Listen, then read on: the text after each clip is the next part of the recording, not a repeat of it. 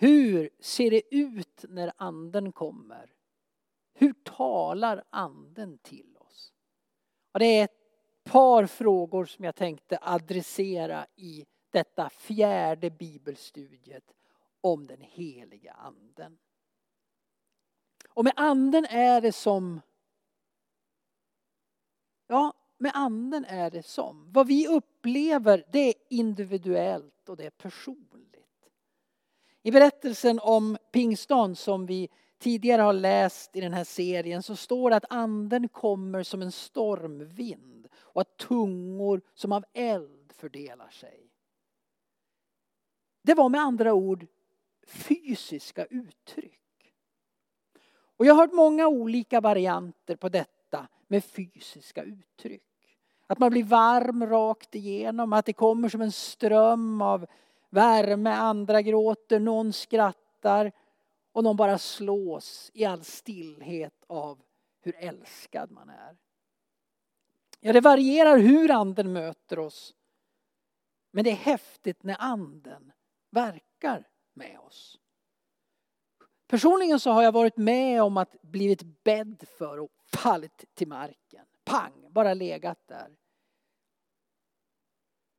Jag talar själv med tungotal som är en gåva. Jag har en enda gång sett en bild i mitt inre. Jag har skrattat och jag har varit uppfylld av Guds kraft.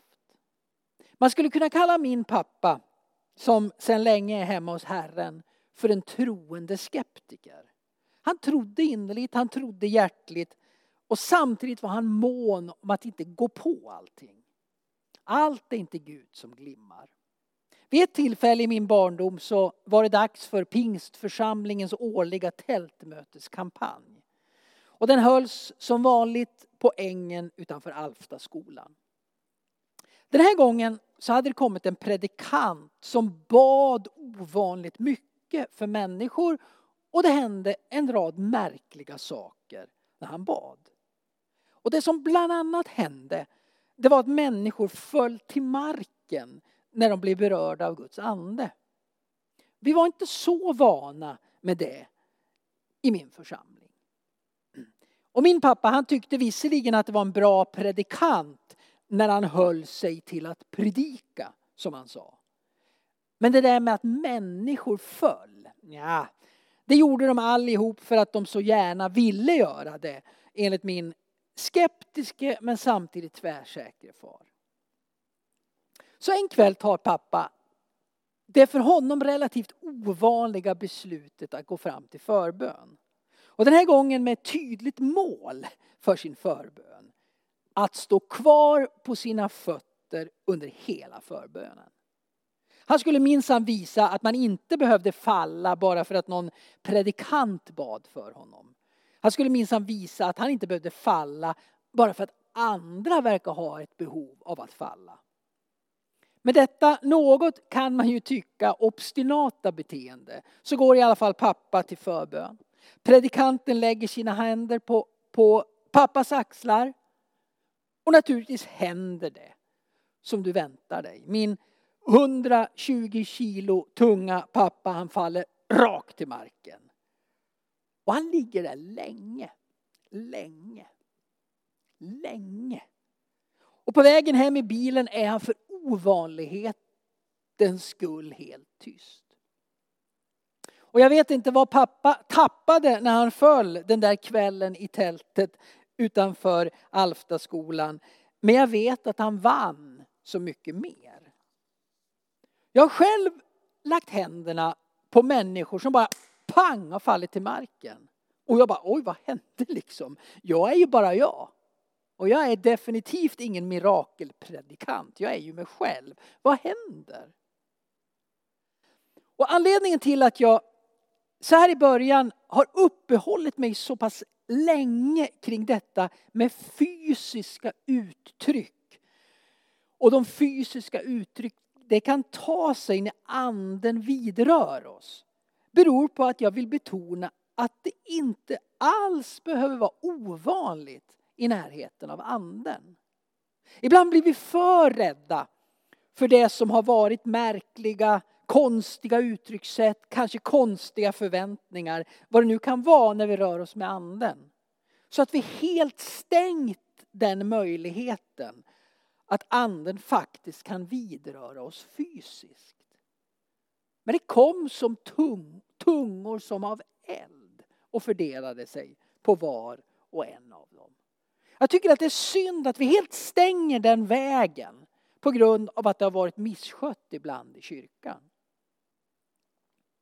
Hur såg det ut på pingstdagen när tungorna som av eld hade mött dem? Jo, det står att de började tala språk som de normalt sett inte behärskade. Och det finns en djup djupare symbolik i det faktum att uppfyllelsen av anden genom hela apostlagärningarna alltid får sin första yttring i språket. Tungan som i Jakob 3 och 6 liknas vid en eld. Den sätter livshjulet i brand och har själv sin eld från helvetet. All splittring oss människor emellan hör på något sätt samman med tungan. Vi angriper och vi förtalar varandra med svåra ord. Det är söndringar, det är motsättningar, det är hat och förkastelse som bottnar i en djup språkförbistring. Och när en eld som kommer från himmelen rör vid människans tunga så får hon först av allt ett nytt språk. Tungotalet, det är ett tecken på något större. Överallt där människor talar ord som anden inger dem så blir frukten försoning, samförstånd, enhet. Och de som tidigare stått långt ifrån varann, ja de kunde ju inte ens förstå varandras språk. De som misstänkliggjort och kritiserat varann närmar sig nu varandra i ett nytt samförstånd. De talar med de ord som anden inger dem. Anden leder till enhet. Ja, att Gud talar till oss, att anden talar till oss. Det är vi medvetna om. Och det säger vi titt som tätt. Frågan är hur går det till? Vi säger att Gud, att vi hör Gud tala. Hur kan man höra Guds röst? Ja, man möter ju väldigt sällan människor som hör Guds röst rent fysiskt. Som ni hör min röst just nu. Jag har personligen aldrig gjort det. Vi ser i Bibeln att det händer några gånger. Det är tre tillfällen där evangelierna berättar om en fysisk röst. Vid Jesu dop hörs en röst från himlen. På förklaringsberget kommer en himmelsk röst. Precis innan påskdramat händer igen. Tre gånger i evangelierna. I apostlagärningarna så sker det två gånger. Saul innan namnbytet till Paulus hör en röst i inledningen av sin dramatiska omvändelse. Och Petrus gör samma sak på taket till Corneliehus när Jesus på något sätt för honom och hela den unga kyrkan vill förtydliga att evangeliet gäller inte bara judar utan faktiskt alla folk. Det händer alltså, alltså fem gånger i Nya Testamentet att vi får det beskrivet för oss att Gud faktiskt talar med en för det mänskliga örat hörbar röst. Och det sker vid samtliga fem tillfällen fällen, vid några stora avgörande vägskäl. Det är redan i Bibeln betydligt mer vanligt att Gud talar genom drömmar eller på annat sätt. Första Mosebok 37 står det en gång hade Josef en dröm. När han berättade den för sina bröder blev deras hat ännu starkare. Hör vad jag har drömt, sa han. Ja, ni minns berättelsen om Josef. Den elfte sonen i en skara av tolv bröder. Han som blev såld till ismaeliterna utan sina egna bröder. Och varför sålde hans bröder honom? Jo, det var hans drömmande som ställde till det. Han drömde en dröm som utan större liksom tolkningsförmåga, drömtolkningsförmåga, fick precis alla runt omkring honom att förstå att han skulle vara upphöjd och bröderna och pappan de skulle buga för honom.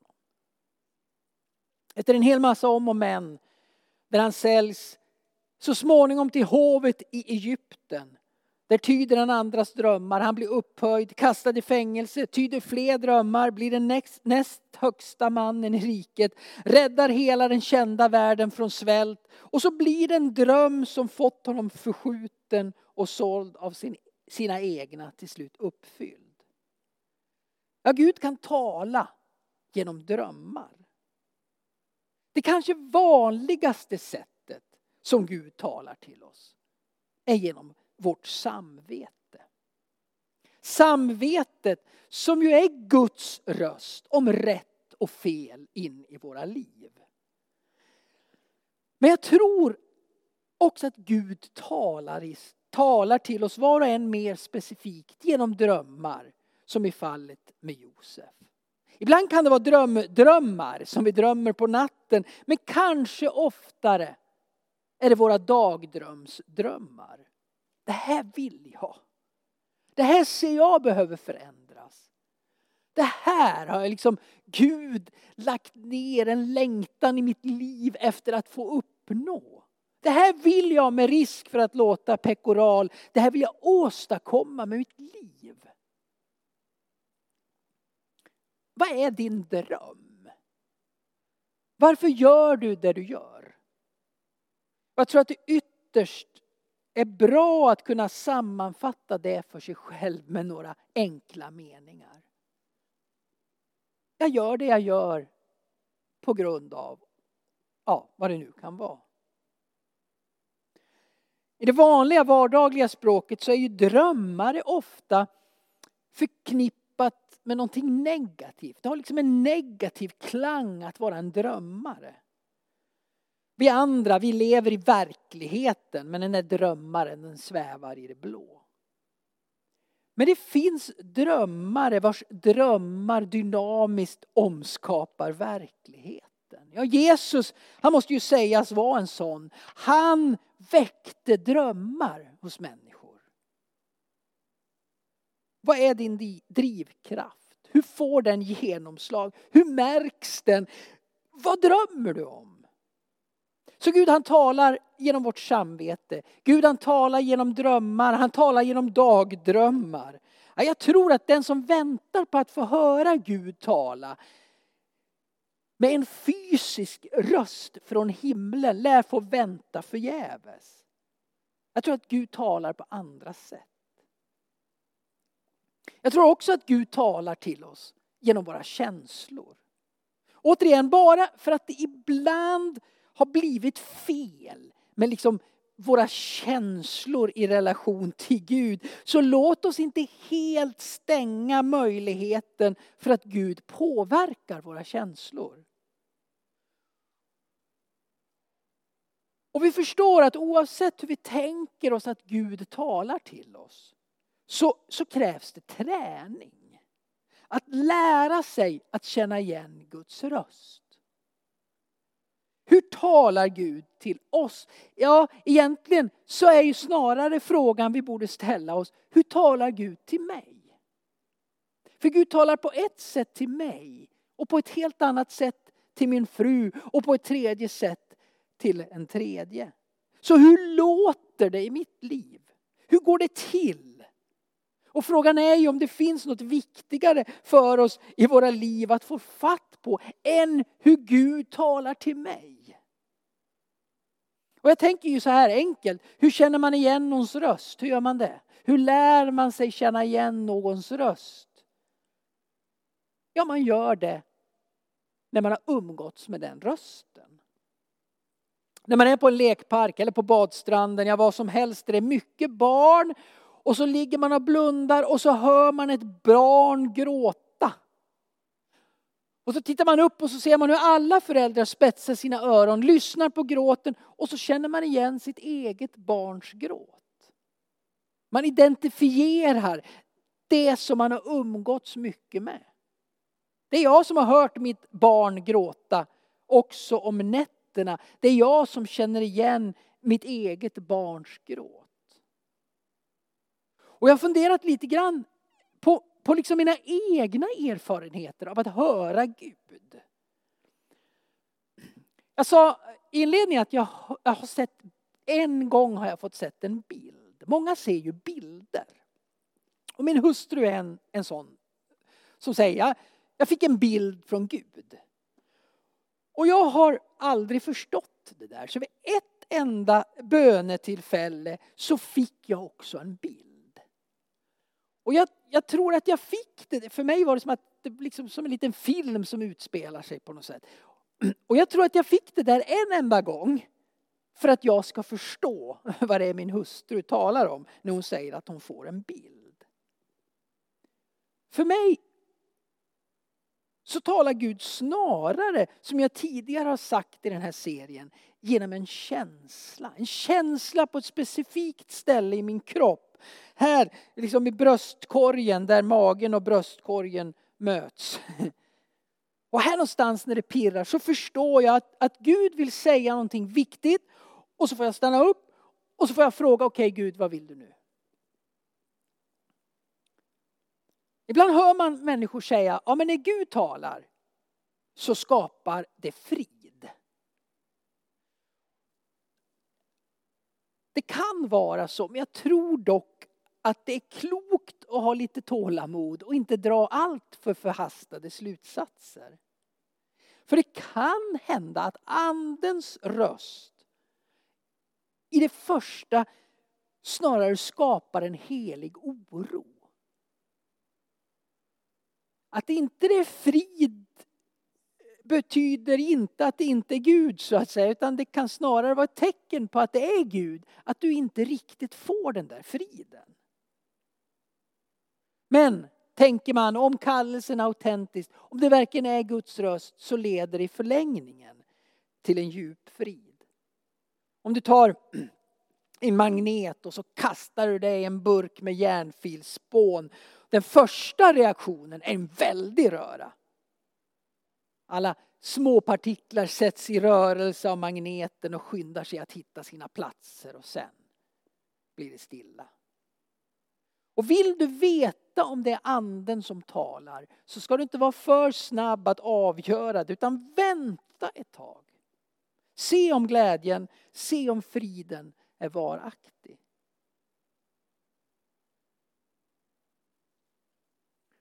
En bra bön att, att, att börja sina dagar med det är att bjuda in Jesus i sin dag. Och någon tänker att den bönen är väl kanske onödig. Jesus är ju redan alltid där med mig. Men i och med den bönen, om jag börjar min dag med att säga Jesus, nu bjuder jag in dig i den här dagen i mitt liv. Så är jag själv mycket mer närvarande. Plötsligt öppnar jag mig för en våglängd som gör att jag kan förnimma hans röst i dagens händelser. Att jag lättare hör Guds röst bland alla röster. Och hur vi hör anden. Om det är med känslor, om det är med bilder, om det är med en fysisk röst, om det är med känsla i mellangärdet. Hur det nu är så spelar det mindre roll. Men vi kan tydliggöra att vi kan höra Gud tala, att vi kan höra Andens röst. Och det är det många som kan vittna om. Och det går inte på ett, bra sätt att förklara hur det går till när Anden talar till oss. Men det går faktiskt att lära sig. Att träna sig, som jag var inne på att höra. Att träna sig, att kunna urskilja andens röst bland alla andra röster som hörs. Och ibland brukar jag säga att det finns ett sätt som jag tror är tydligare än andra.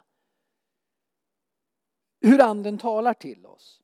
Och det är ett sätt som har ett samband med att jag tycker att det är obekvämt att ha skjorta på mig.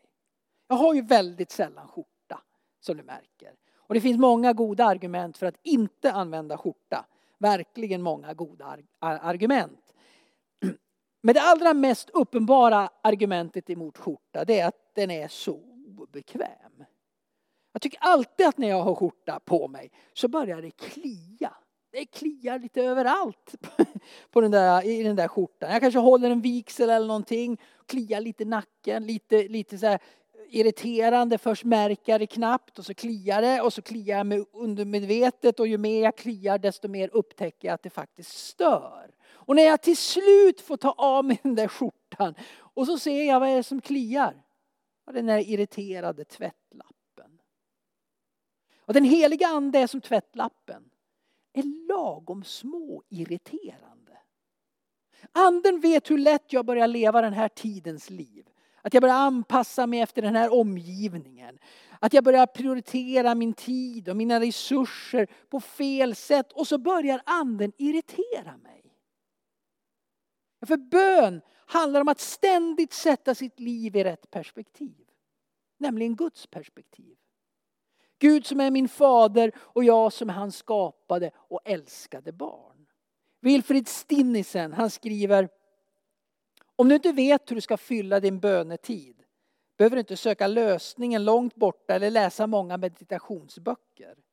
Du kan helt enkelt lyssna till Fadern som oupphörligt i ett evigt nu säger till var och en av oss Du är mitt älskade barn. Du är min utvalde. I dig har jag min glädje. Hela evigheten kommer inte att räcka till för att du ska fatta detta ofattbara. Om du tycker att bön är något tråkigt är det därför att du inte riktigt tror på att Gud talar så till dig. Och en av de upplevelser som har etsat sig allra starkast fast i mitt liv, det var när jag som en helt vanlig turist gick in i den väldiga Uppsala domkyrka. Det var en stor kontrast att gå in där. Det var en, en varm majdag och utanför kyrkan så var det en flödande liv av människor som, som gick i Uppsala en helt vanlig lördag, fullt sugna på shopping. Och jag kommer in i kyrkan och det är svalt och jag hör genast några sjunga. Och det låter som en liten kör så jag letar mig dit. Tar en stund för kyrkan är ju som du vet rätt stor. Och så kommer jag fram så småningom till källan för ljudet och där sitter det en präst och två gudstjänstbesökare. Och de sjunger och de ber middagsböner ur tidegärden. Tre personer av alla de tusentals som bor i Uppsala, tre stycken hade bemödat sig om att använda lunchen för att be till Gud. Tre stycken bland alla de tusentals som samtidigt valde shopping. Att det lät som en kör, det beror naturligtvis på akustiken i Uppsala domkyrka. Men jag har tänkt att det, det, var, det är inte bara det. För där några, någon eller några ber så får det återverkningar som är långt större än vi kan ana. Det dånar i hela den himmelska världen. Och det mest effektfulla vi kan göra mitt i stressen, mitt i vardagen, mitt i jobbet, mitt bland hämtningar av barn och allt det viktiga som vi hela tiden håller på med. Det är att rikta vår blick mot honom. Att tillbe Gud, att tillbe Guds majestät, att visa vår vördnad och vår tacksägelse genom lovsången. Att vända vår blick mot höjden och du ska se att då talar Gud till dig mitt i vardagen. Det finns en, en modern teologisk strömning, vanlig inte minst inom kyrkan och dess lärosäten och lärda kvinnor och män som talar om faran i att betona Guds majestät, Guds storhet, Guds makt. Och man säger att det finns sånger som man helst inte ska sjunga där Gud blir för stor. Och då bygger vi en hierarkisk världsbild som sen formar en hierarkisk ledarsyn och en hierarkisk kyrka, så säger man. Jag förstår ingenting av det här. Verkligen ingenting. Ärligt talat så tror jag tvärtom. Att det är just det som är vårt uppdrag som kristna och som Guds församling. Att ständigt upphöja Gud. Genom att Gud blir stor för oss så utplånas också alla mänskliga skillnader och hierarkier. Så tror jag, så tänker jag. Nej, vi ska snarare ständigt upphöja Gud. Och när man frågade de bedjande på ett kloster i Paris varför de satt längst fram i kyrkan med ryggen mot församlingen och bad, alltså blir inte det ett avståndstagande? Så svarar man, vi vänder inte ryggen mot någon. Vi är bara som lokomotivet i ett tåg. De drar och så kan alla andra koppla på. Och så är det med tillbedjan. Det är en kraft som drar andra med sig. Och vi har ju i den här församlingen pratat en hel del i styrelsen och utvecklingsutskottet och på församlingskvällar och i lite andra sammanhang i församlingen. Hur ska vi nå Gävlebon med Jesus? Ja, kanske hittar vi svaret här. Tillbedjan som evangelisation. Kan man se bön som evangelisation? Fast en evangelisation utan klåfingrighet och utan behov att försöka överbevisa någonting för någon. Men att vara det där loket som andra kan koppla på. Ja, kanske. Jag vet inte. Men jag vet i alla fall att bön aldrig kan jämföras med någon annan mänsklig aktivitet. Vi, vi kan inte lära oss att be på samma sätt som vi kan lära oss att köra bil eller lära oss att behärska vårt humör eller lära oss att äta palt. Bön är alltid nåd, alltid en gåva. Bön är Guds verk så mycket mer än mitt. Och det är därför vi tror att en kristen människas bön är något annat än varje annan människas bön.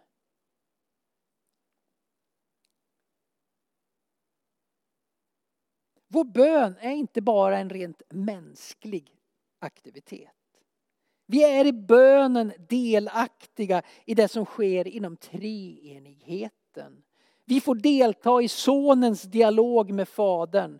Vi dras in i de gudomliga personernas inre relation. Anden bor i oss. Det finns en bön i oss. Bönen pågår inom oss. Fadern ser ständigt på sin son med oändlig kärlek i oss. Han talar till sin son i oss och sonen besvarar ständigt denna kärlek i oss. Att be är att vara en del av hela den här trintanska dansen man brukar tala om. Och vi har alltid chansen att ansluta oss till sonens bön och säga Fader vår. Att liksom koppla in i det som redan pågår. Det som alltid pågår. Inom teologin brukar man tala om den teologala dynamiken. Eller de tre teologala dygderna. Alltså hoppet, tron, hoppet och kärleken. Och ordet teologal vill uttrycka att det är något som kommer från Gud samtidigt drar oss tillbaka och förenar oss med honom. Gud tror på oss, Gud hoppas på oss, Gud älskar oss. Och detta ingjuts i oss som en kraft och en dynamik som drar oss tillbaka och förenar oss med honom. Alltså, det är en ständig rörelse. Det är Guds verk i oss, men vi måste låta det ske. Meditation är ju att begrunda det som redan är sagt. Ordet meditation kommer från latinet. Det betyder att reflektera. Genom begrundan, genom reflektion, genom meditation så maler man Guds ordet. Man maler Guds tilltalet till säd så att det blir för näring till vår själ. Ja, Gud har alltid någonting att säga oss. Och gör han det inte genom bilder, genom fysiska röster, genom känslor i mellangärdet, så gör han det genom sitt ord.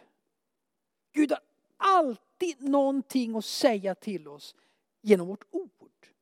Det är bara att läsa och idissla. Det är bara att läsa och begrunda. Det är bara att läsa och meditera. Men när man är ute efter snabba lösningar, efter snabba andliga kickar och fixar, så är det nog ingen idé. Den som vill höra Gud tala måste lära sig vänta. Och inte nog med det, man måste bli vän med tystnaden. Som för det mesta är det enda man faktiskt hör när man söker Guds röst. Just detta att vänta är en viktig andlig övning. Inte minst när det kommer till nådens gåvor. Att inte liksom vilja eller behöva ha allt nu. Just här.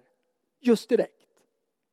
Hela bibeln är full av människor som väntar. Eller går avsides. Eller intryckssanerar. Människor som loggar ut, som avföljer, som söker ensamheten. Jag skulle vilja uppmuntra oss att då och då få som vana att ta oss avsides. Mentalt eller fysiskt. Och ett gott tips för den som har rum för det där hemma. Ha en speciell plats eller en fåtölj som, som är din och Guds plats. Där du söker Gud, där du läser din bibel, där du lyssnar efter hans röst. En speciell plats dit du går avsides från det som pågår ständigt runt omkring dig. Det blir liksom en mental vandring ifrån köksbordet till vardagsrummet och fåtöljen där du brukar möta Gud. Det är inte oviktigt vad vi gör med vår kropp. Kommer barnen springande emot mig så gör jag inte så här för att visa min kärlek emot dem. Jag gör så här. Att vara inför Guds ansikte också med sin kropp. Och det är ju därför som människor i alla tider har knäppt sina händer i bön.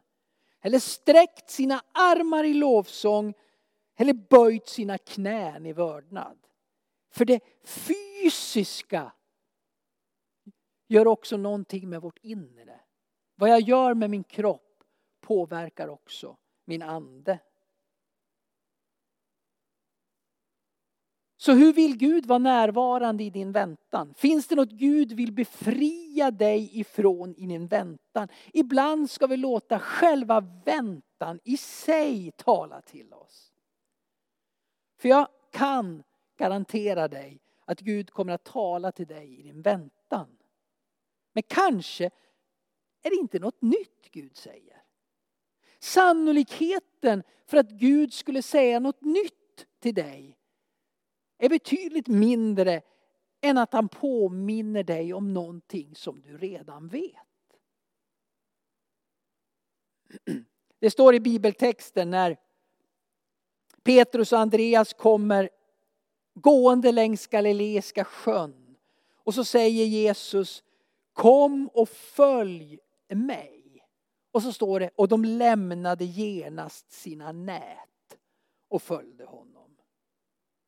De lämnade genast nätet. Så stod det ju inte, men nästan. Och så fick han se ytterligare två bröder och han kallade på dem också. Och så står det, och genast lämnade de båten och sin far och följde honom. Det verkar så att när, Jesus ber oss att följa honom så ber han oss samtidigt att lämna någonting annat. Ingen kan tjäna två herrar, står det i Matteus 6 och 24. Antingen kommer han att hata den ene och älska den andra, eller hålla fast vid den ene och inte bry sig om den andra. Ni kan inte tjäna både Gud och mammon. Och kanske, kanske behöver den som följer Jesus i bemärkelsen i en bemärkelse lämna den verklighet där allt ska ske nu, här, på en gång. Och ta sig in i en annan verklighet där saker får ta tid. Hur hör jag Gud tala? Ja, nummer ett, ha tålamod. Att min andliga övning idag, precis som kanske igår och som imorgon, består av att jag inte hörde någonting. Predikanten Elinor Gustafsson hon skrev för ett tag sedan i Dagen en krönika om, den, om detta. Till den som under sin andliga övning, alltså sin stund i fåtöljen tillsammans med Bibeln och i bön, inte hör någonting. Hon skrev, till dig vill jag säga, kanske hörde du att Gud inte sa någonting. Det är också att höra något. Och väldigt ofta är det precis det vi behöver höra. Ingen kan profetera, ingen kan höra Gud tala på beställning. Det är bara medium och orakler som gör det om man betalar dem bra. Vad ska man göra när de profetiska hälsningarna uteblir? Att hålla fast vid det som redan är sagt. Tystnaden är också ett budskap. En uppmaning om att återvända till det man redan har hört. Har Gud alltid något att säga? Ja, på den frågan så svarar Johannes av korset. Ett ord har Fadern talat och det var hans son. Och det uttalar han alltjämt i evig tystnad. Och det är tystnad som det måste höras i själen. Låt den sjunka in. Ett ord har Fadern talat och det var hans son. Och det uttalar han alltjämt i evig tystnad. Och det är i tystnad som det måste höras i själen. Att söka sig till Guds ansikte innebär alltså att ta emot det som kommer ur Guds mun. Att ställa sig liksom i andens vinddrag, fästa sin blick på Jesus. Och för det mesta betyder det att vi inte hör något nytt överhuvudtaget. Ett ord har Fadern talat och det var hans son. Amen.